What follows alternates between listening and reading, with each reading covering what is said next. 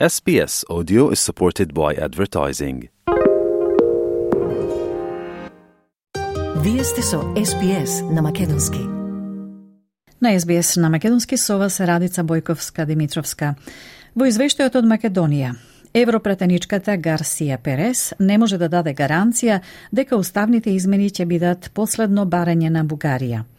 Националните да се стават пред личните и партиските интереси, повика премиерот Димитар Ковачевски и побера подршка за уставните измени за да не се дозволи, како што рече, изолација на земјата.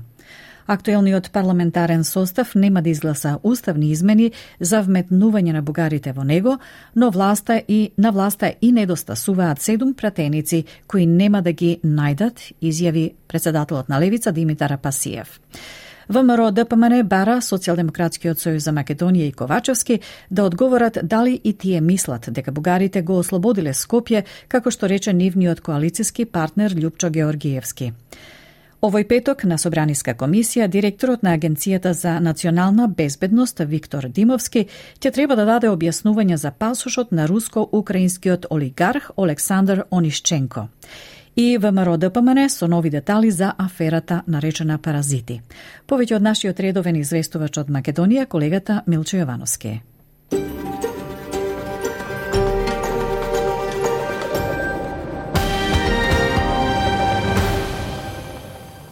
Не постојат гаранции дека поменувањето на македонскиот устав нема да следува нова бугарска блокада, изјави европратеничката и лидерка на прогресивната алијанса на социјалдемократи во Европскиот парламент Ираче Гарсија Перес.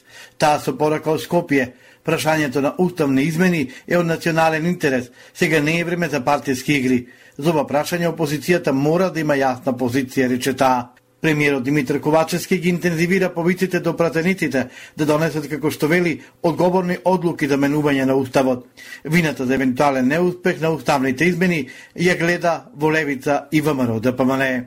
И секој мора да го има пред себе прво интересот на граѓаните, интересот на идните генерации, а потоа личниот политички интерес.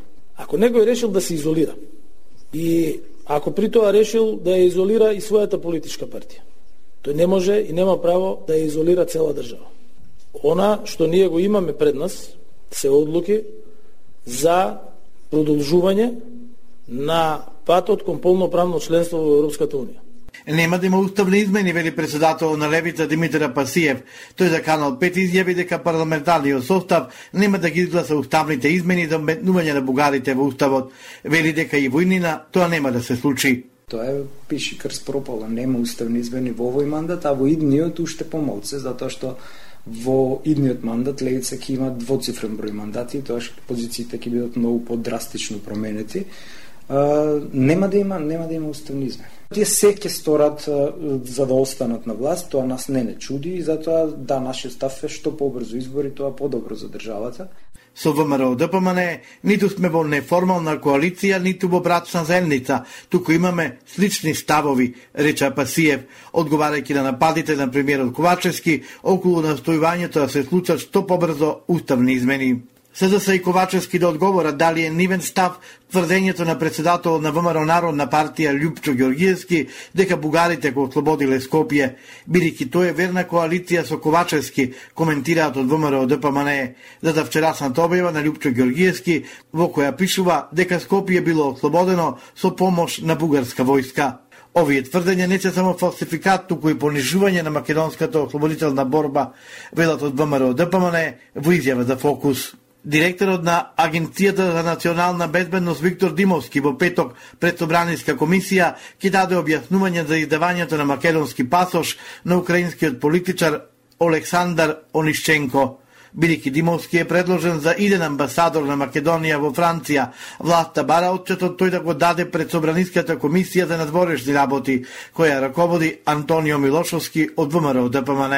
Бидејќи доделувањето на македонски пасош на руско-украинскиот олигарх кој е на црната листа на САД, господинот Онисченко, е сериозен скандал и девалвирање на безбедносниот систем.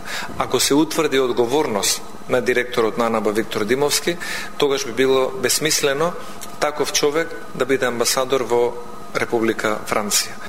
Онишченко, кој пред неколку месеци добил македонско државјанство, во интервју за Слободен печат вели дека целата процедура за издавање на државјанството ја спровел легално. Цитирам, Прво сакам да кажам дека пред Македонија, Германија ми ги даде сите документи и живеам во Германија. Во Македонија бев регистриран во куќа на кошаркар и го знам многу добро него. И државјанството го вадев две години. Многу време помина во Скопје и целата процедура ја спроведов легално, вели Онишченко. Само заедничка борба и координација може да даде конкретни резултати, нагласи председателката на Државната комисија за спречување на корупција Билјана Ивановска на свеченоста по повод 20 годишнината на комисијата.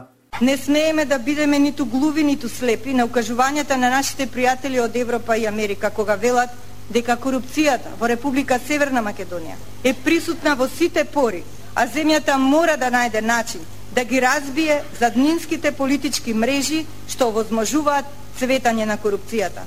Мора да постои вистинска политичка волја да се запрат овие мрежи. На прославата собрати амбасадорката на САД во Македонија Анджела Прайс Агелер. It is appropriate that this evening's event is taking place here in the Museum of Macedonian Struggle to discuss this particular and very real current struggle corruption in whatever form, nepotism, patronage, cronyism, undue political influence, favoritism in employment or contracts, etc., etc., holds this country back from the economic, social, educational, and structural success we know it can and should continue to achieve. Податоците велат дека антикорупцијска има почната со 5 вработени, сега има 48.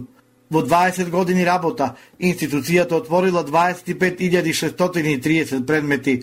Од нив 8.645 предмети биле за корупција, поднеле и 184 кривични пријави. Студентскиот одбор најави нов марш за четврток. Најавуваат дека на протестот ќе им се приклучат и од Средношколскиот сојуз и независниот академски синдикат – но поддршка нема да добијат од универзитетските сојузи. Премиерот Димитар Ковачевски рече дека студентскиот оброк студентите ќе го добиваат според досегашните критериуми, веќе дека сите одлуки во Иннина ќе ги носат заеднички со студентските собранија. Ќе продолжи да се користи по старите критериуми и да не заборавиме дека студентскиот оброк за прв пат беше воведен од страна на оваа влада пред само две години. 30 години во оваа држава Студентите немаше кој да ги седне на маса. 30 години студентите сите сметавме дека се само деца кои што треба да одат во школа, меѓутоа и да не учествуваат во политички процеси.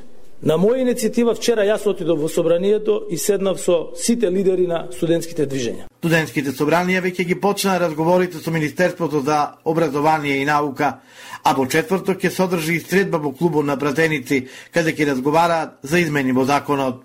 Со договорот за сработка меѓу Албанија и Македонија за враќање на незаконски изнесените икони во земјата на потекло, што беше подпишан завчера, се враќаат 20 икони кои пред десетина години беа нелегално изнесени од земјата, а постапката ќе се финализира по ратификацијата на договорот во двете држави.